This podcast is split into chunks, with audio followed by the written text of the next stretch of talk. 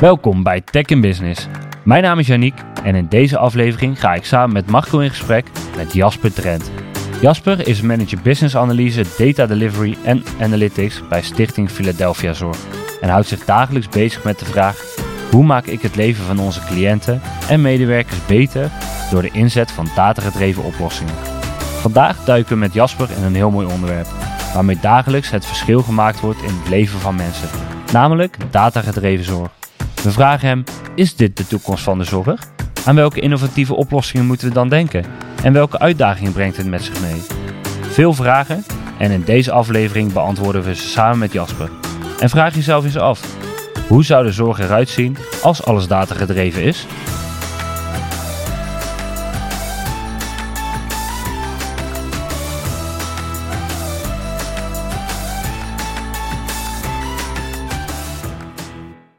Jasper, welkom bij ons in de podcast. Uh, leuk dat je wil aanschuiven vandaag om met ons over een onderwerp te praten waar ontzettend veel in gebeurt en waar elke dag echt een impact mee wordt gemaakt, namelijk datagedreven zorg. De zorg is een sector waar iedereen vroeg of laat wel een keer mee te maken krijgt en waarbij je wil dat alles in één keer goed gaat. En goede zorg staat denk ik bij iedereen heel hoog op het wensenlijstje. En uh, wij denken in ieder geval dat data hier een ontzettend grote rol uh, in kan spelen om dit ook waar te maken. Uh, zorg in Nederland is eigenlijk al jaren bezig met een grote digitale transformatie en zien we ook heel snel veranderen. Uh, daar waar aan de ene kant behoefte is aan stabiele, betrouwbare en veilige systemen, is aan de andere kant volgens mij ook heel veel behoefte aan innovatieve, nieuwe manieren, oplossingen om snel in te kunnen spelen op de veranderende markt en de vraag van zowel zorgverlener als patiënt en in jullie geval cliënt. Dit maakt het denk ik ook een van de meest innovatieve en interessante sectoren waar we elke dag het verschil kunnen maken in het, in het leven van mensen. En juist hierom staat datagedreven zorg bij, nou, ik denk eigenlijk elke zorgaanbieder heel hoog op de agenda. Uh, nou, Jasper, jij bevindt je dagelijks in deze omgevingen binnen Philadelphia. Uh, en jij bent eigenlijk altijd bezig met het vinden van nieuwe, innovatieve en datagedreven oplossingen voor jullie cliënten. Kan jij ons kort meenemen in wat jij doet binnen Philadelphia? Ja, zeker. Leuk dat ik mag uh, deelnemen aan deze podcast. Um, ben dus Jasper de Rent. Ik werk bij Stichting Philadelphia Zorg. Misschien eerst even kort even. Uh, Philadelphia houdt zich bezig, uh, of is werkzaam in de gehandicaptenzorg. Wij hebben bijna zo'n rond de 8000 cliënten. en dat doen we over een aantal clusters. Ehm, zorg en wonen, werk en begeleiding en intensieve zorg. Zelf ben ik werkzaam op het servicekantoor bij de afdeling INA, informatisering en automatisering. En ik hou me voornamelijk aan de kant van de informatisering. En daardoor ook de aansluiting met de data. Um, binnen deze afdeling mag ik uh, een aantal teams aansturen. Uh, team met de business analisten, die zich heel erg werkzaam zijn in, op het gebied van informatiemanagement, meer op tactisch en strategisch niveau. Um, het team BI en Analytics, daar zitten onze data engineers, de BI-analisten. Um, en team data integratie, gegevenskoppeling, het verbinden van het landschap aan elkaar. En als laatste uh, en het meest nieuwe team sinds dit jaar is Robotic Process Automation, RPA. Hè, waar eigenlijk de gegevenskoppelingen uh, niet de automatisering kunnen vinden, kunnen we toch via de voorkant ook nog integreren en met de data aan de slag. Drukke functie, zo te horen. Een leuke functie. Een leuke functie. Iedereen is druk en uh, het is een leuke functie ja, waar mooi. veel te doen is. Goed, dat, is, dat is goed om te goed horen. Om te horen. Um, nou, ik, heb het al een paar keer benoemd en je gaf het zelf ook al aan. Uh, heel veel bezig met, uh, met data en ook bezig met data te gebruiken om uh, zorg te verbeteren. Um, als wij het vandaag hebben over datagedreven zorg, en dan kom ik dus ook gelijk bij ons statement: datagedreven zorg is de toekomst van zorg. Um, kijk het naar datagedreven zorg. Waar hebben we het dan volgens jou vandaag over? Heel veel. Want, en dat vind ik altijd wel een interessante. Wat is nou data en technologie? want technologie is ook een breed begrip en data ook. En voornamelijk als je het hebt over informatietechnologie, is, zie ik eigenlijk misschien wel data, waar, waar jullie eerder al over hebben gesproken, het nieuwe goud. Ik zie het zelf ook als een beetje als de olie van, uh, van technologie van steeds meer ja, dat, technologie. Dat is een mooie voor een nieuwe podcast. Ja, hè? Precies, dat, is, dat is een hele mooie. Data is olie. Ja, want stop je uh, verkeerde, foute uh, uh, olie, dus data in technologie, dan gaat het verkeerd. Dan krijg je Ja. niet het gewenste effect. En, zo, en, zo, en zo zie ik ook ehm, voor een deel data ehm, en, en dus eigenlijk ook in één adem de technologie. En dat het steeds belangrijker wordt. Eh, ook voor Philadelphia en wat misschien goed is voor, ook voor de rest van waarom Philadelphia hier zo zwaar op inzet. Hè? Eh, we zijn een stichting, dat is ook wel denk ik interessant.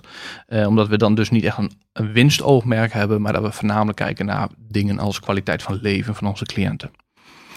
En waarom is het zo belangrijk eh, voor een organisatie als Philadelphia en waarom wij daar ook volop inzetten, ook op strategisch niveau, is dat er een paar grote veranderingen gaande zijn in het zorglandschap. Tenminste in de gehandicaptenzorg en eh, ik denk ook wel in een bredere zin. Dat één is wel een goede om te noemen, is de nadruk op het eh, recht eh, van eigen leven. Een zo gewoon mogelijk leven. Je kunt je voorstellen dat dat voor eh, onze doelgroep af en toe toch best wel lastig is.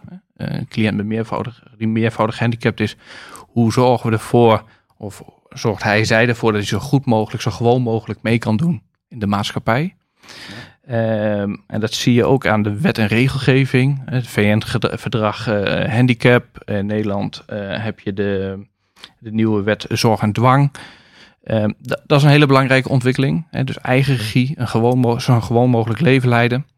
Tweede ehm, eh, uitdaging die we met elkaar in Nederland hebben is, is dat de langdurige zorg, waar we voornamelijk in actief zijn, hoe houden we die betaalbaar? Ja, die mag niet te duur worden.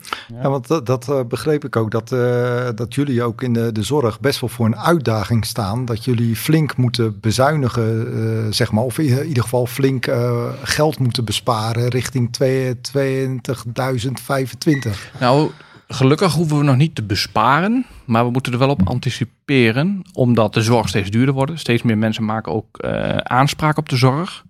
Hè, de, de- dat komt onder andere ook door de nieuwe, eh, nou volgens mij in 2015 al, de WLZ, de WMO, de jeugdwet. Dat zorgt al voor grote veranderingen.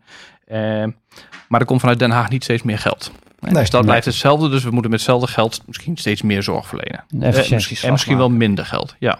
Dus de efficiëntie, dus daar kun je over dingen over, over bedrijfsvoering, eh, kun je gaan nadenken. En, en de derde, wat daar ook wel bij aansluit, eh, is de vergrijzing. Eh, we krijgen gewoon steeds eh, arbeidsmarktkrapte. We moeten eigenlijk eh, met steeds minder mensen dezelfde zorg en dezelfde kwaliteit leveren. Dat zijn, dat zijn hele, hele belangrijke drivers voor de organisatie om ehm, in te zetten op technologie, maar ook organisatorisch dingen anders te doen. Zo zetten we bijvoorbeeld heel erg op zelforganisatie. Nou, eigenlijk door die drie grote ontwikkelingen die gaande zijn, daar zien wij ook de toegevoegde waarde van technologie en dus ook data. Om daar wat mee te doen. Ja, dus als ik je goed begrijp, eh, wat jij zegt is eigenlijk, we krijgen allemaal met nieuwe wetten te maken, nieuwe regelgeving. Dat kost ons ook extra tijd, zeg maar, en energie door die nieuwe wet en regelgeving. Want je moet toch met die mensen de kwaliteit van leven doen. En aan de andere kant verwacht de overheid nog dat we 20% meer efficiënt gaan werken richting, eh, ja, voor mij is het eh 2025 die kant uit. Ja, 25, 20, 30. Ja, dat, dat krijg je wel steeds meer. Hè? Dus als we met minder mensen beschikbaar hebben die zorg willen leveren. Ja. ehm, en laten we die mensen die de zorg leveren, dan ook zorgen dat ze waarvoor ze komen werken in de zorg, ook dat werk kunnen laten doen. In plaats van andere werkzaamheden die eigenlijk niet gerelateerd zijn aan de directe. Zoals administratie. Administratie, routinematig werk, eh, data-analyses, verzamelen. Wat moeten we doen? Hoe staan we ervoor? Eh, zo snel mogelijk, zo dicht mogelijk op de werkvloer. Ja. Nou ja, dat, dat vraagt. En dus wij zetten heel erg op hè, dat, dat onze cliënten, maar ook medewerkers, meer onafhankelijk worden eh, van ons. Dat zelfstandig kunnen leven. Ehm, waar ze dingen zelf kunnen doen, dat we dat ook later doen. Eh, ook daar kan technologie een belangrijke rol in spelen. Ehm, en ehm, zorg als wij goede informatie geven, dus zodat ze zelfstandig beslissingen kunnen nemen, ja, dan, dan nemen wij die beslissingen niet, dat wij dat niet over gaan nemen. Ja. Nou, En daar zit een belangrijke eh, switch. Ehm, de- dus wij zijn ook heel erg zetten wij in op zelforganisatie. Dus niet zelfsturing, maar zelforganisatie. Wat bedoel je daarmee? Nou, dat, dat teams zoveel mogelijk middelen tot hun beschikking krijgen om zelf verantwoordelijk te zijn voor het rijlen en zeilen van de locatie. Dat ze financieel gezond zijn, de Ja. goede bezetting hebben, verantwoordelijk, zelf verantwoordelijk zijn. Dus zorgen dat die eigen regie zo laag mogelijk in de organisatie komt te liggen. Ja.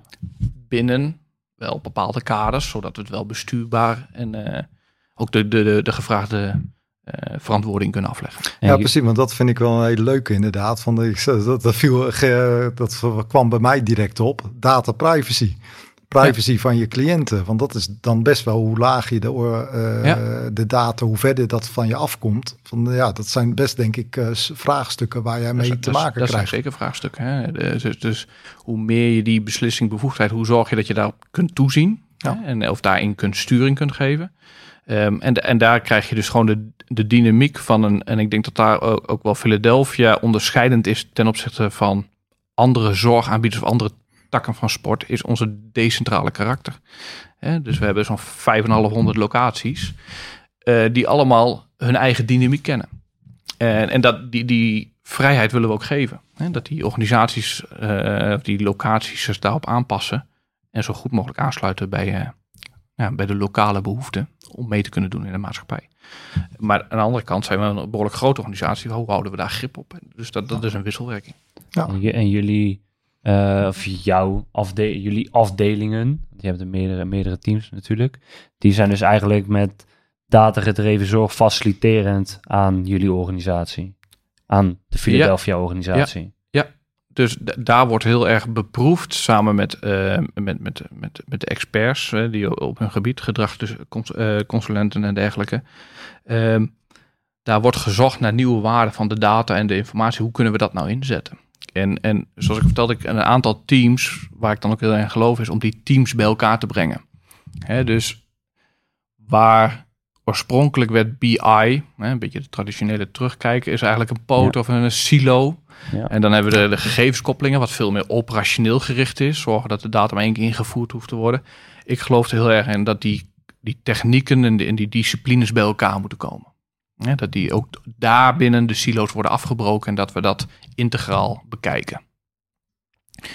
Ehm, en, en daar zetten we als organisatie dus ook volop in om zelf die competentie op te bouwen. Hè? Want ook in onze cloud-strategie, we gaan steeds meer buiten de deur doen, want we gaan services afnemen. Ja. Maar ik geloof juist dat wij als organisatie de meerwaarde eh, kunnen halen uit die integratie en het werken met die data. Dat is ook een hele bewuste reden waarom wij het zelf doen.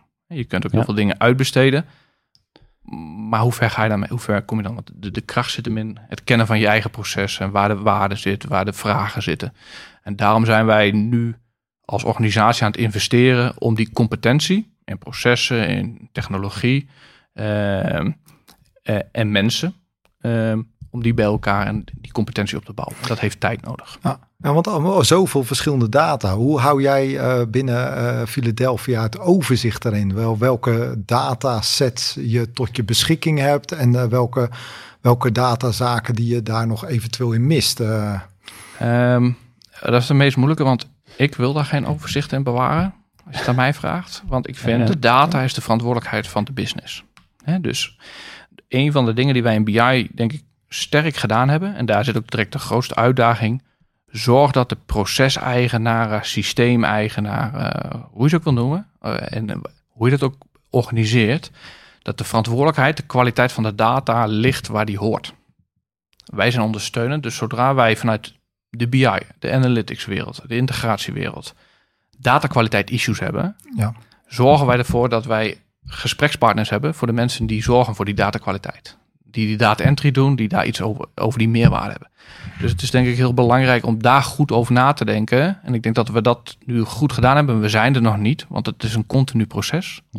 Want het klinkt zo makkelijk, een proceseigenaar, maar wijs ze maar eens aan. ja, dat is heel moeilijk, dingen, eh, dat soort dingen. Ja. En da- dat, dat, ja, dat is voor ons ook gewoon wel eh, waar we nog steeds in zitten. We zijn drie, vier jaar geleden, eh, zeg ik het goed, ja, 2017 zijn we begonnen. Dat was denk ik de grootste uitdaging. Eigenaarschap. eh, wie gaat of welke definities? eh, als we over KPI's hebben, even in de meest eh, simpele Ja. vorm. En dat stukje bewustzijn, dat is die competentie die, die je dus niet, ik en alleen mijn afdeling en teams opbouw, maar dat is wat je integraal moet op gaan bouwen. En, en Ja. dat gaat voornamelijk het gesprek aangaan en, en daarmee te oefenen en daarmee bezig te zijn en te snappen. En ook de fouten te maken, eh, om te leren van wat houdt dat nou in. Ja, snap ik. En je hebt het, hebt het eh, inderdaad veel vanuit eh, jouw ervaring binnen Philadelphia. Als je kijkt naar de zorg breed, zie jij zelf de soort eh, uitdagingen en manieren van werken ook terugkomen binnen con-collega zorgorganisaties? Jazeker, volgens mij, volgens mij is de hele, iedereen is ermee bezig. Iedereen op Ja. hun eigen manier. En het, ik denk dat het belangrijk is om van elkaar te leren eh, en, en te inspireren ook, eh, maar wel je eigen plan te trekken. Probeer niet te kopiëren, want de, de, de eigen organisatiedynamiek is zo bepalend voor hoe je de dingen uitvoert en met welke snelheid en in welke stappen. Ehm, Elke organisatie is uniek. ja, Ja. ja. ja en dat, en dat, is, dat is dus een open, dat is een open deur, denk ik. Maar het, het, het, het is wel. Wij krijgen ook wel vaak mensen eh, van andere organisaties vloer om te zien hoe wij dat doen. Ehm, maar je moet daar wel je eigen plan in, in trekken. Van wat Ja. hebben wij nodig en waar staan wij en waar willen we op investeren. En je zult eerst een paar basisstappen moeten zetten om, om, die, om die organisatie eigenlijk op te bouwen. En ook wij zijn daar nog niet helemaal. Wij zijn ook stappen. Wij zijn ook begonnen met. Ik weet nog dat vanuit de raad van bestuur werd gezegd: oh, we moeten iets met AI en big data. Hè, de, de, de, de, Die hebben de we in Ja. vorige aflevering ook voorbij zien Precies, komen. ja. Die- die die ken je wel. iets met AI. en, op iets, zich is ja. dat goed, eh, maar dat betekent ja, misschien, maar dan is de basis. Dat Ja, is dan die basis. Dus we zijn eerst echt begonnen met traditionele BI. Hè, rapportages. We hebben gezorgd voor in het kader van zelforganisatie dat we een centrale eh, data warehouse hebben opgezet. Waar de, gewoon de belangrijkste KPI's, waar de, de, de mensen op de vloer dagdagelijks mee werken en waar, de- waar hun informatiebehoefte ligt. Eh, we hebben gezorgd dat elke leidinggevende, daar waar we mee begonnen, een dashboard heeft van hun locaties. Volgende stap die we gezet hebben, en dat is nu anderhalf jaar eh, live, elke zorgverlener heeft zijn eigen dashboard via embedded BI. Hè. Dus in onze intranetpagina's hebben ze hun eigen dashboard met alle beveiliging van dien, dat ze alleen maar de data zien van hun locatie. Ehm Eén, het scheelt ook, eh, licenties, dus dat en twee, dus mensen konden gewoon in onze portaalstrategie gewoon eigen dashboard als ze daarin loggen, zien ze hoe hun KPI's ervoor staan, zodat elke zorgverlening verlener ehm, eh, beschikking heeft over de data die ze nodig hebben. Dat was het begin. De volgende stap waar we nu middenin zitten, dus dat gaat meer de experimentenkant op, is dat we die volgende meer richting de analytics kant. Meer, hè, dan, dan, Ja. En als wij over analytics praten, dan denken we meer aan voorspelmodellen. Ja. Eh, voorspellende analyses, vooruitkijken. Heb je daar een voorbeeld, kun je daar een voorbeeld vanuit Philadelphia voor geven? Ja, eh, we, doen, we zitten dus nu in de experimentfase om te kijken van wat hebben we daarvoor nodig aan competenties en, en dergelijke. En een van de, eh, wat ik zelf een, een hele leuke vind en waar denk ik ook het innovatieve karakter uitstraalt, zijn de slimme inko's, slimme luiers. Ehm, Die- dat is zeker een mooi voorbeeld. ja, dat, Ja. Dat, je je denkt daar eigenlijk niet bij na, maar we hebben cliënten die, eh, die zijn meervoudig handicapt. Ja, die, die dragen een luier. Ehm, en, en zodra die verschoond moeten worden, dan krijgt de begeleider op zijn telefoon een, een, een piepje. Eh, en dan moet het verschoond worden. Nou, dat, dat klinkt heel simpel. Eh, de business case moet je ook niet op kosten doen, want een slimme luier is duurder dan een gewone eh, luier Ja, van de supermarkt. Ja. Maar er zitten een paar voordelen aan. En, en, en dat was ook wel voor mij een leermoment, een verandering in het begin toen ik bij Philadelphia kwam. Hè, ik, je kijkt eerder vanuit een business case financieel naar. Maar wat, wat Philadelphia mij geleerd heeft, is nee, het gaat om de kwaliteit van leven. Want je kan je voorstellen, die cliënten zijn volwassen mensen. Het is toch een gênant momentje als je verschoond moet worden. Ehm, in de, op de ouderwetse manier ging het, je- de, de, de verpleger of de, de verle- zorgverlener doet zo'n ronde en verschoont iedereen, kijkt iedereen na. Dus iedereen is aan de beurt. Ja. Nu is het alleen nodig wanneer het echt nodig is. Dus dat levert al minder gênante momenten. Maar kwaliteit van leven gaat ook omhoog, want je hebt ook minder last van eventuele eh, door, eh, eh, lekkages, irritatieplekken, omdat je te lang zit. En dat meten we ook. Nou, wat, dus dat is heel erg de toepassing van een stukje innovatie. Stukje toekomst. Eh, Oh, nee, een nee, nee, dat, toekomst nu. dat doen we Ja. nu eigenlijk al. Maar wat we hebben gedaan in het kader van analytics, we hebben van twee jaar geanonimiseerde data van al die luiers eh, binnengehaald. Dus aan twee jaar data, dat gaat eh, over, over tienduizenden, al niet honderdduizenden records aan data vanuit die sensoren. En daar hebben we gekeken als, als voorspelmodel, kunnen wij voorspellen wanneer iemand verschoond moet worden? En dat konden we met het analysemodel die we erop los hebben geladen met 78% zekerheid. Oh, Dat is voornamelijk voor de nachtdiensten bijvoorbeeld interessant. Want Ja. hè, je kunt je voorstellen, zo'n luier heeft een bepaald, eh, eh, bepaalde capaciteit wanneer het Ja. verschonen Ja. moet. Nou ja, wie moet in de nacht wel even van tevoren verschoond worden? Wie kan wel tot de volgende dag? Nou, en daar hebben we een soort mock-up gemaakt. Hebben we niet geïmplementeerd, maar puur als experiment. Wat komt er allemaal bij kijken? Kunnen we het? Ja. Hoe is het voorspelmodel en wat zou het betekenen als we het zouden gaan implementeren? Ja. Nou, we zouden dat model met de, voor met de leverancier in gesprek kunnen nemen. Van joh, dit willen we graag in een app. Dat in de app die het signaal afgeeft, g- bouw daar ook in een analyse op basis van dit voorspelmodel, die zichzelf steeds traint. Want we hebben ook laten zien met dat voorspelmodel dat we het ook met cliënten kunnen voorspellen met die zekerheid, waarvan we nog geen data hebben. Dus ook nieuwe cliënten is het voorspelmodel en dat is- zuiver. Dat is dat- interessant. Ja, die is interessant, want die zit dan ook op hetzelfde niveau eh, wat jullie doen? Of sturen jullie dat ook netjes in het model? eh? Dat wordt dan meer. Kijk, eh, dan krijg je meer, en dan kom je meer in de wereld van machine learning. Ja. Dus iedere keer laat je dat model weer hertrainen. Nou, Ja. en nu is het, dus dat doen we puur als experiment. Dat is nu ook afgerond. Nou, en daar gaan we dus nu een evaluatie in. Van willen we dit gaan implementeren? Of wat gaan we Ja. hiermee verder doen? En, dan, en, verder, als je dat nou doortrekt naar de mogelijkheden wat dat biedt. Je kunt je voorstellen dat een meervoudige gehandicapten, die kunnen al, niet altijd als zij pijn hebben of ziek zijn, dat aangeven. Ehm, Nee. Ja, dat klopt, ja. je kan je voorstellen, als jij een medische aandoening hebt, bijvoorbeeld een blaasontsteking, dat jouw ontlastingspatroon of je plaspatroon verandert. Hoe mooi zou het zijn als we dat voorspelmodel, je wordt gewoon gemonitord en je ziet daar in één keer een verandering in je patronen. Dat kan een indicatie zijn dat er, iets, Ja. dat er een medische iets aan de hand is, waarmee je even naar de huisarts kan gaan. Nou, dat zijn natuurlijk hele gevoelige onderwerpen. Hè? Van, van hoe ver ga je daarin? Hoe ver Ja. ga je? Dus ethiek en privacy Precies, zijn daar wel hele Hè, We doen nu allemaal anoniem, maar als je het gaat implementeren, wat voor vraagstukken komen daarbij kijken? Nou, daar hebben wij dus, dat, dat zoeken wij dus met die experimenten ook op. Waar moeten we goedkeuring voor krijgen? Wat mag wel, wat mag niet? Ja. Ehm, Philadelphia heeft een paar jaar geleden, onder andere bij dit soort mensgerichte technologie, zoals we dat dan noemen, ehm, een ethieke raad in het leven geroepen. Eh, en waar we dat soort vraagstukken ook aan kunnen voorleggen. En wat voor soort mensen zitten er aan in zo'n ethiekraad? Is dat vanuit Philadelphia? Zitten daar nee, ook externe? meerdere. Externe ook. Ja, dus dat wordt dus, dus Oh. van eh, iemand van intern, vaak ook met eh, een ethiek achtergrond, eh, die dat soort vraagstukken onafhankelijk een beetje eigenlijk kunnen beoordelen. Ja. Eh, en dat, dat is niet alleen maar Philadelphia, dat wordt met een, ja, dat is een setje van experts die dat eh, beoordelen en daar advies uit overbrengen.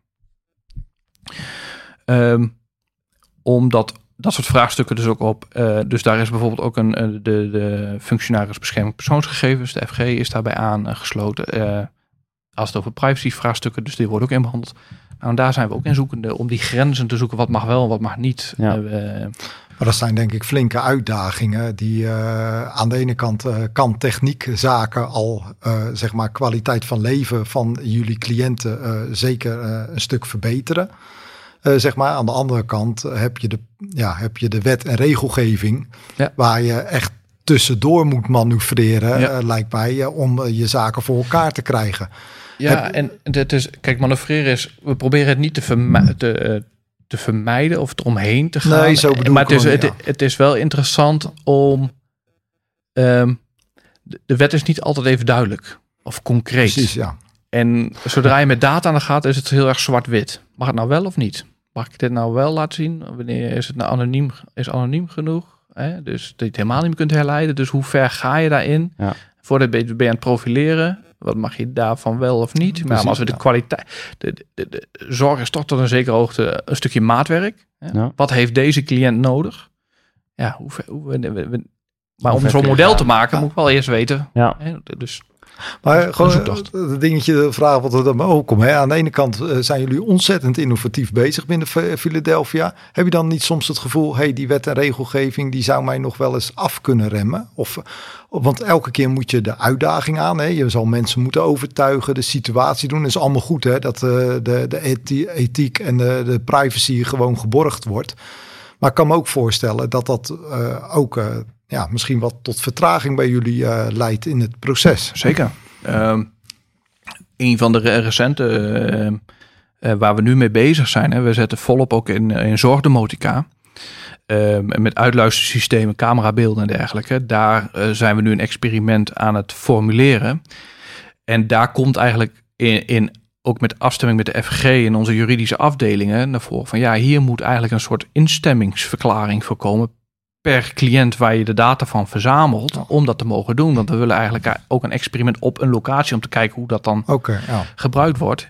Nou ja, dan is het gewoon even zo. daar komt dit nou nu naar voren. Dat leren we er dan ook van. van. En, en, en zo moet je de uh, experimenteren ook zien. Het hoeft niet altijd te lukken. Want juist het leren van wat werkt wel, wat werkt niet, wat mag wel, wat mag niet. Dat is ook een zoektocht. Um, en dat kan betekenen dat je je experiment opzet anders moet vormgeven. Ja. we hebben het er al uh, een, uh, een tijdje over, veel uh, datagedreven zorg. Um, ik ga hem even proberen plat slaan en proberen heel kort te formuleren. En Jasper, zeg vooral of het ermee is met ja of nee.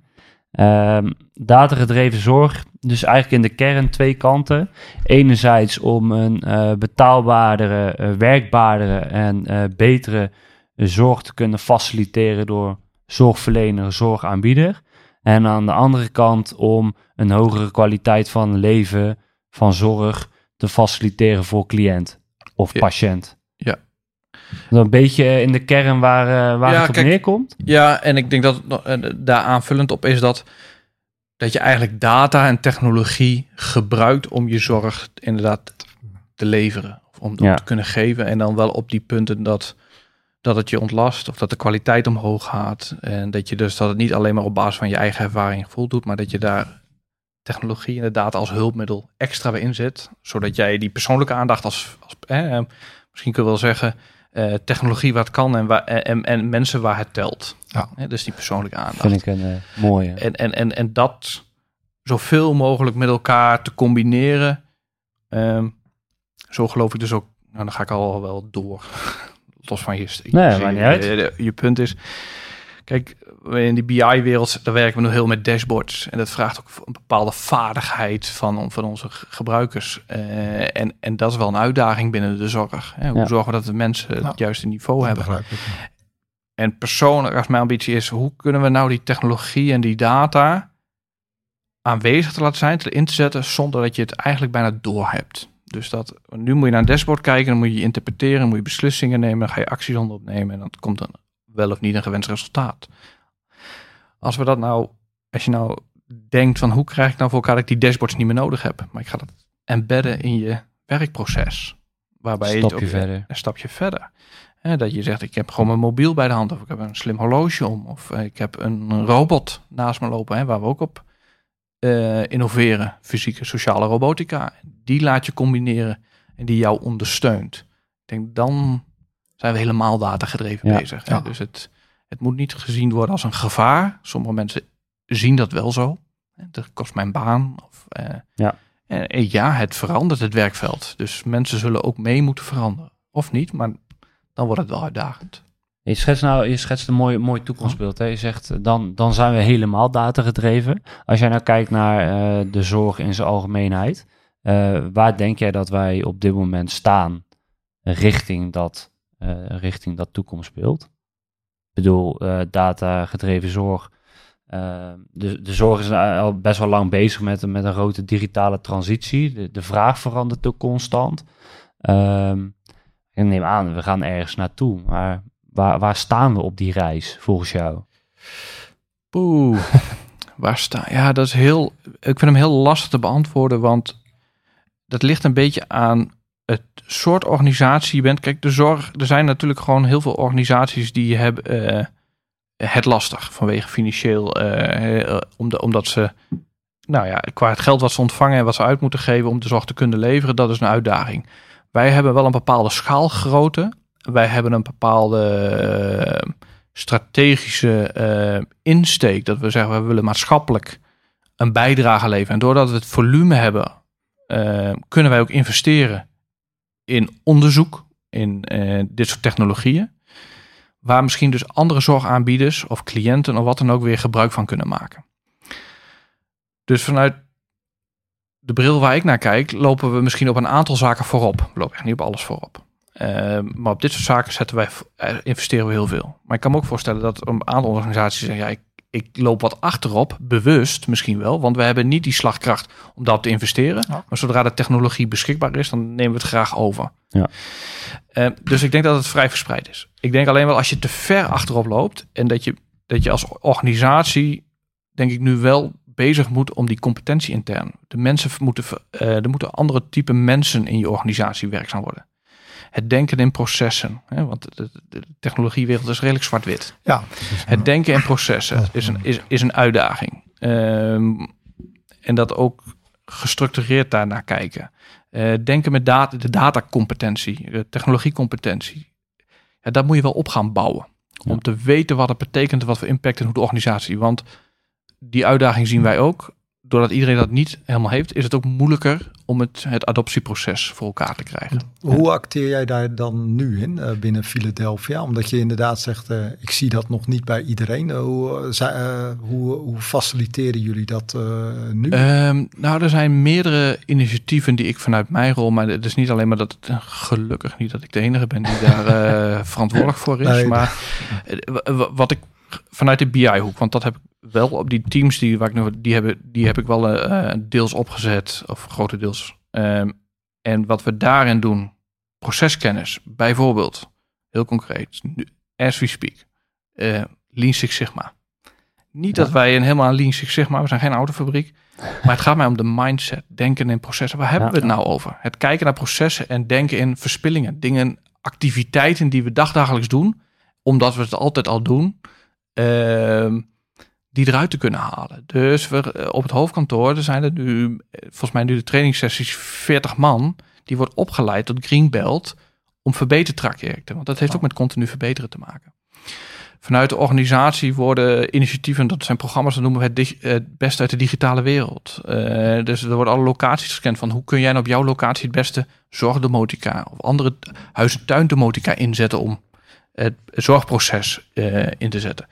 Wij hebben in onze dienstverlening, bijvoorbeeld bij werk en begeleiding, hebben we uh, dagbestedingslocaties die zijn bezig met 3D-printers.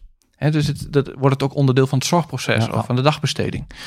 Um, wij hebben sinds, als ik het goed zeg, vorig jaar digicoaches. Dat is een groep mensen die uit het veld komen, die technieken en IT interessant vinden, maar die ook de taal spreken van de zorg en van de zorgverlener. Dat zijn mensen die zijn even wat meer opgeleid in als digicoach. Die zijn heel erg actief bezig om uh, in het land de locaties mensen te ondersteunen.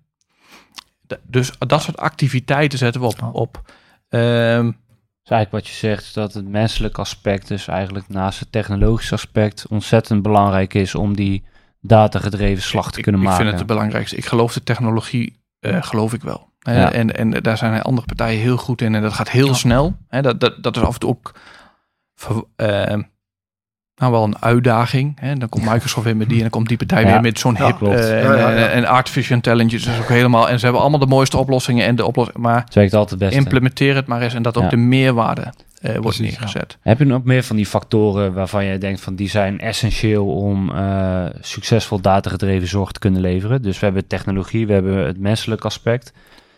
Zeg je van, er is nog een factor waarvan je denkt van, dat is echt essentieel? Nou, um, de, dus dat zit me denk ik in het organisatorisch besluit. Je moet draagvlak hebben door de organisatie. En voornamelijk op, op, op, op strategisch niveau en directieniveau. Want daar gaat, daar gaat gewoon serieus geld in om. En je, om daarop in te investeren, in die focus en ook de ruimte om te leren en dus om fouten te maken, moet er zijn. Ehm, ze zeggen niet voor niks, als je met data analytics begint niet te groot, begin klein. En als je tien experimenten doet, accepteer dat er dan acht, negen niks worden. Maar het kost je wel geld om dat. Ja. Dus zorg dat je dat geld en, en tijd en, uh, en mensen daarop de ruimte geeft om te leren. Uh, dus geduld, uh, maar wel sturing erop. Uh, en niet maar wat laten doen.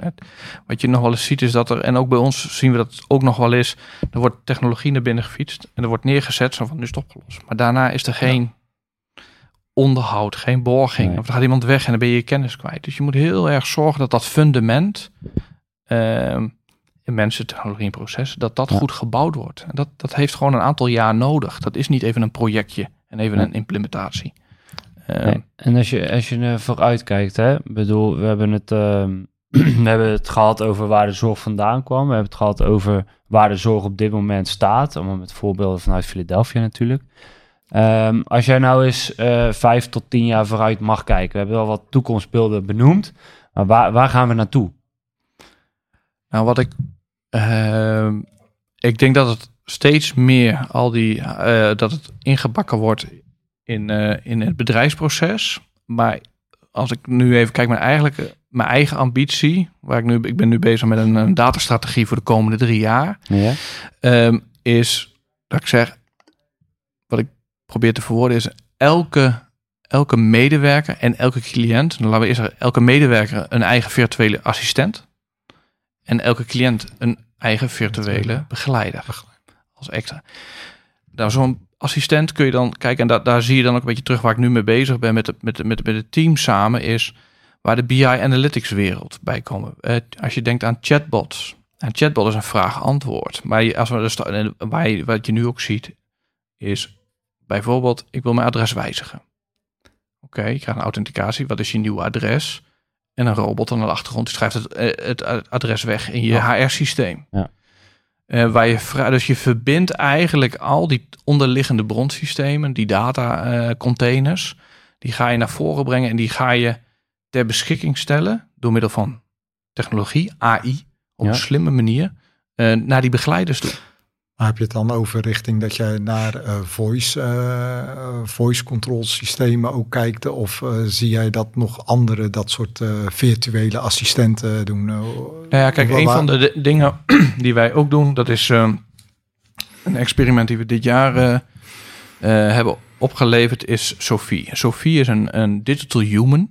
En dat moet je zien als een, een chatbot, maar dan met een visuele laag erop. Ja. Dus daar zit gewoon een, een avatar met menselijke Ja. eh, eh, trekjes en bewegingen. En waar je tegen kunt praten. dat lijkt wel en- een beetje als onze game die wij twee jaar geleden geloof Ja. ik in Bendix World Ja, hebben gedaan. Ja.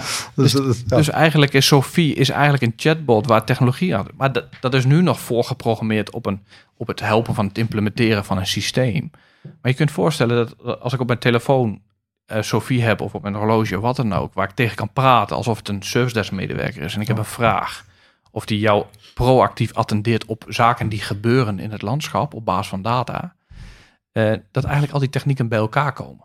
En nu worden, wat je zegt, een voice, eh, text-to-speech, speech- speech-to-text, bed- dashboards. Dat zijn nog allemaal, afzonderlijke eilandjes. Maar die, moeten, die technieken worden steeds meer gecombineerd. ja, dat klopt. En ik geloof als we dat nou in de toepassing, in de werkprocessen krijgen, dan ga je het naar de, naar, naar de locatie brengen. Dan ga je het naar de werkvloer. Ja. Dat kan voor een cliënt ook. Hè, eh, eh, dat je zegt, ja, ik, we hebben fysieke robots waar we mee aan het kijken zijn wat daar de toegevoegde waarde van is. Maar dat kan ook, kunnen ook virtuele robots zijn waar een cliënt tegen kan praten. En niet om eh, de medewerker te vervangen, maar te ontlasten. Eh, voor, ja, waarom moet nu elke ochtend de wekservice moet een begeleider iemand wakker maken? Ja, dat kan een wekker of iemand een, een verzoek, heb je je medicijnen gehad? Ja, dat kunnen we slimmer organiseren. Ja. Laat die begeleider liever dat goede gesprek hebben met die cliënten en die ondersteuning die daar telt. Ja, want het is wel leuk wat je doet. Ik heb eh, zelf eh, ook een soort experiment eh, gedaan. eh, ook binnen dit bedrijf was het, eh, hebben we eigenlijk ook een eh, soort chatbot gemaakt. Alleen dat hadden we toen gebaseerd op Alexa. En nou, Alexa is natuurlijk met Amazon, hè, zeg Ja. maar. Dus dan zie je met eh, data privacy. Maar die hadden we ook inderdaad zo gemaakt dat we Alexa lieten reageren op eh, eh, commando's die jij vroeg, zeg maar, aan die bot. En dat hadden we ook geïntegreerd eigenlijk in een stukje eh, healthcare eh, toepassing. Ja. En dus ik, wat ik wel heel leuk vind, inderdaad, van de, ja, wij zijn daar ook een beetje mee aan het experimenteren geweest. En daar heb ik een paar keer een, een presentatie ook over mogen geven hoe dat zit. Ja, toen was natuurlijk de vraag, hey, privacy, gevoeligheid, hè? Want ja, je gooit toch wel tekst over naar een AWS of naar dinges. En dat was nog niet zo ver bij de andere eh leveranciers, dat ze al zo goed waren dat oké, kan ik dat dan goed borgen daar? Eh, en ik vind het ook wel leuk om te zien dat dat toch in dat landschap begint te komen, dat soort Ja. zaken. Omdat En dat zit nog dus een heel erg in de experimentele fase. ja, En precies. wat Maar je je- zit eh, met, met je privacy. Dat, dat was echt de e- Zeker. ethiek. Hè? Wat gooi je nou over die lijn? Wat Ja. gooi je terug, eh, zeg maar? En wij hadden toen eh, iets van iemand heeft een afspraak. En een van de dingen die wij hadden gedaan van bij doktoren. Dokters, voordat jij binnen moet komen, moeten zij wat over jou weten. Nou, uh, wat is je medicijngebruik enzovoort? Waarvoor komt die? Hè? Dat is altijd handig. Dus we hadden een chatbot gemaakt van hey, uh, hoe is mijn next appointment? Ja. En dan ging die uh, chatbot ging dan aan die dokter vertellen van nou, u krijgt zo meteen komt die en die binnen en die heeft dat en dat aan medicatie puur door de gegevens te verzamelen die je hebt binnen de organisatie en de ja de vinkjes die jij wilt hebben als arts uh, deed die chatbot dat. Alleen dat ging wel over het internet natuurlijk. Ja, Dan uh, heb je nog wel een dingetje van oké, daar moet je nog wat uh, voor regelen. Nee, en dat vraagt dus ook heel wat van je infrastructuur en ook goed nadenken met welke doelgroep begin je. Dat is ook een van de redenen, als we met dat chatbots, ja, voordat je iets cliënten eraan blootstelt, wat ook vaak nog gevoeligere data is, en dat je goed nadenkt nou, laten we eerst maar eens beginnen met medewerkers, met een klein groepje, om dat te beproeven of het gewoon functioneel werkt en of het toegevoegde waarde heeft. Ehm, maar dan ook het besef, als je het in één keer gaat toepassen op een andere doelgroep, dat je daar wel goed naar moet kijken hoe dat dan werkt en ontvangen wordt. En dan dit soort privacygegevens, ja. wanneer wel, wat niet. Ehm, is het openbaar toegankelijk? Nou, we hebben onze Sofie zeggen, nou, dat zit achter de authenticatie van onze systemen. Dus voordat jij uh, überhaupt gaat interacteren, heb je al je auto geauthenticeerd hè? Uh, en, en, zien we wie je bent. Ja. En dus dan kunnen we, hebben we dan de eerste laag van beveiliging. Ja, daar, daar moet je wel naar kijken. Ja, ja, dat deden we met Voice op dat moment. Iemand zijn stem proberen te herkennen. Dat zijn echt leuke experimenten om uh, te doen. Uh. Nou ja, kijk, en die fundering zijn we eigenlijk aan het opbouwen als organisatie. Ja. misschien is dat ook nog wel uh, leuk om te noemen. Die, die teams, ik noem ik, ik, het concept is een enterprise data delivery platform, zoals ik het noem, waar die werelden bij elkaar komen. Dus dat is meer conceptueel. Is dat daar, daar zit data warehousing, data analytics in, waar RPA, data integratie. En daar komt misschien ook nog een, een, een soort ma master data laag. Hè, dat is een beetje technisch, maar waar, dat, waar we straks ook portalen op in kunnen prikken. En zorgen dat we uh, API's ter beschikking hebben, waar dus al die verschillende technieken mee kunnen gaan praten. Om dat landschap op te bouwen want ook in onze cloud-strategie zie je, en nu hebben we veel dingen nog on-premise, kunnen we lekker snel bij de data, precies, want we prikken gewoon rechtstreeks. Maar dat wordt met SaaS ook wel lastiger. Dat is ook denk ik wel. ene kant hoor je daar heel veel over. We gaan allemaal naar de cloud, maar toch zie je dat de SaaS-leveranciers op het gebied van integratie, helaas, doordat wij daar voorlopig, dat is een van onze grote bottlenecks, dat ze toch op integratieniveau helemaal nog niet zo ver zijn. En ze hebben wel wat basis-API's ter beschikking gesteld, maar nog niet op, op data analytics. Het goed Klopt, overhalen van die data naar die centrale omgevingen. Waar wij dan tegenaan lopen is dat dan elke leverancier zegt... ja, maar ik heb mijn eigen BI of data uh, omgeving. Ja. Uh, terwijl wij zeggen, nee, dat willen wij hebben. Dus dat is, dat is een vraagstuk. Hè. De ene kant die beweging naar SaaS. Hoe centraliseren we nou weer die data dat wij... want wij zijn immers de eigenaren. Ja. ja, precies. Want jullie zijn, ja, je wil niet die vendor lock-in hebben. Ik herken wat jij zegt. Hoor. Ik zie dat ook heel veel partijen die gewoon hun eigen totaaloplossing bieden. Maar ja, je wilt al die verschillende bronnen juist bij elkaar weten te, uh, weten te krijgen, zeg maar. Ja. En dat, dat, is, uh, dat is de grote uitdaging die je hebt, denk ik, als organisatie. Uh. Dus bij, bij deze maak ik graag gebruik van. Iedereen die luistert en is leverancier, zorg dat je een open systeem, open architectuur in je SaaS-omgeving doet en zorg dat organisaties zoals Philadelphia kunnen beschikken over hun data. Ja, ik vind dat een heel mooi statement. Ik vind uh, daar kan ik uh, komen. Ja, precies. Hey, uh, ik had nog één vraagje. Ja, Want in het begin noemde ja. Jasper RPA. Ja. En daar heb ik eigenlijk nog niks volgens mij echt goed over gehoord. Kan je daar ons nog een voorbeeld doen hoe jij dat binnen je organisatie inzet? Ja, wij liepen er tegenaan. We hebben, kijk, elke organisatie heeft met over het algemeen de bestaande organisaties uh, met legacy. Systemen die uh, misschien nog niet zo goed integreren. Hè, veel wat wij uh, doen met onze Enterprise Service Bus is applicaties onder water via API's aan elkaar koppelen. Maar niet elke applicatie heeft dat. of heeft goed de mogelijkheden. Dus wat hadden wij in het tot een jaar, twee jaar geleden? Terug van dat we nee moesten verkopen aan de organisatie. Ja, helaas, dit kunnen we niet automatiseren. Dus je zult als afdeling nog steeds handmatig moeten overkloppen. Ja. Bijvoorbeeld, of invoeren of op Waar ze vast uh, nou ja, ze, ze, zijn niet anders gewend. Ja, dus, ja. Uh, en, um, en RPA kwam bij mij uh, vanuit de AI-wereld. want ik denk, ja, AI gaat vaak ook over die voorspelmodellen, het denken. Hè? We maken een slim voorspelmodel en daar komt wat uit. Een, een kans of wat dan ook. Hoe krijg ik nou die output weer het bedrijfsproces in? Zo ben ik eigenlijk bij APA gekomen. Want ik denk, als ik die output uit die analytics wereld weer input kan zijn voor een actie, Ja. Ja. daar zou een robot wat mooi voor kunnen zijn. Hè, dus dat is een hele. ehm, maar RPA is ook waar je niet kunt eh, automatiseren door gegevenskoppelingen. Een heel mooi systeem om via de user interface ehm, toch te automatiseren. En niet alleen met tussenapplicaties, maar ook binnen een applicatie. Wij kwamen er bijvoorbeeld achter dat er bij ons in de organisatie ehm, mensen om de zoveel minuten of uren eh, op een knop drukken om gegevens binnen te halen. Want dat kon niet gescheduled worden of iets. Ja, dat kan een robotje ook doen. Ja.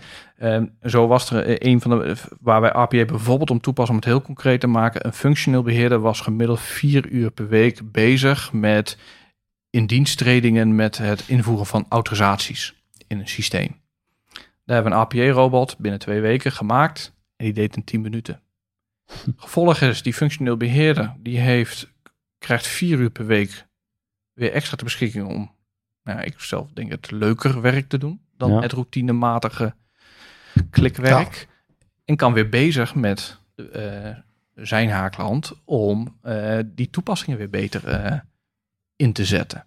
En zo proberen we met RPA voornamelijk en de administratieve organisatie eh, veel handwerk, routinewerk, structureel werk eh, te gaan automatiseren. Waar gegevenskoppelingen of dat soort integraties of te duur of te lang of niet mogelijk zijn. Wel met de wetenschap dat RPA zie ik als een pleister. Hè, dus, Pleister? eh, ja, dus, want als de leverancier zijn user interface verandert, Ja. dan heb je meestal weer wat werk aan onze organisatie. dan mag je Terwijl weer als je op ja. de logische kant bij API's verwacht je dat de leveranciers dat onderhouden. Ja. Ehm, maar het is een hele snelle manier om ehm, eh, ja, toch automatiseringen eh, eh, toe te passen. Waar het anders nu nog niet kan of te duur is. Ja. Dus die combinatie met API's, ESB, is RPA eigenlijk en analytics Ja. heb ik eigenlijk de gereedschapskist compleet om bijna alles te automatiseren. Gereedschapskist voor een, eh, voor een mooie toekomst. Zeker. Als ik hem eh, eventjes eh, kort samenvat. als ik jou zo hoor, denk ik dat we momenteel vooral bezig zijn met de zorg slimmer, efficiënter, slimmer en efficiënter te maken. En ook meer maatwerk te kunnen leveren voor zorg van onze cliënt, in ieder geval cliënt of, of patiënt.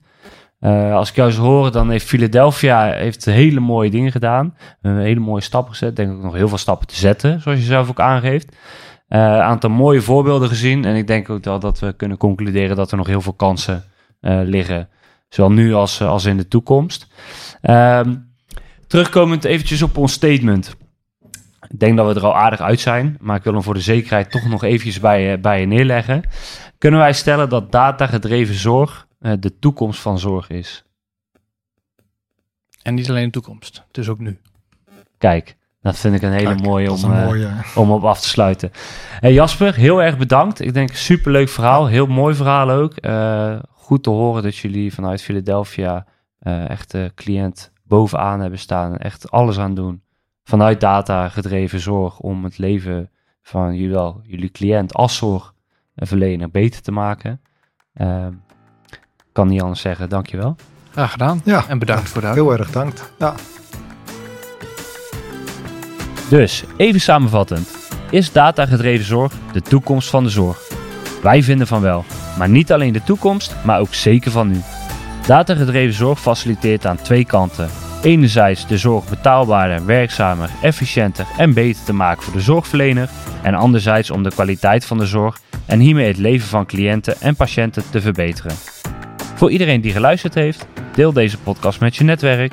Laat ons zeker even weten wat je ervan vond. En mocht je vragen hebben, kun je ons altijd bereiken via onze website. Deze is te vinden in de show notes. Dit was de laatste aflevering van dit seizoen. Bedankt voor het luisteren en hopelijk tot bij ons volgend seizoen.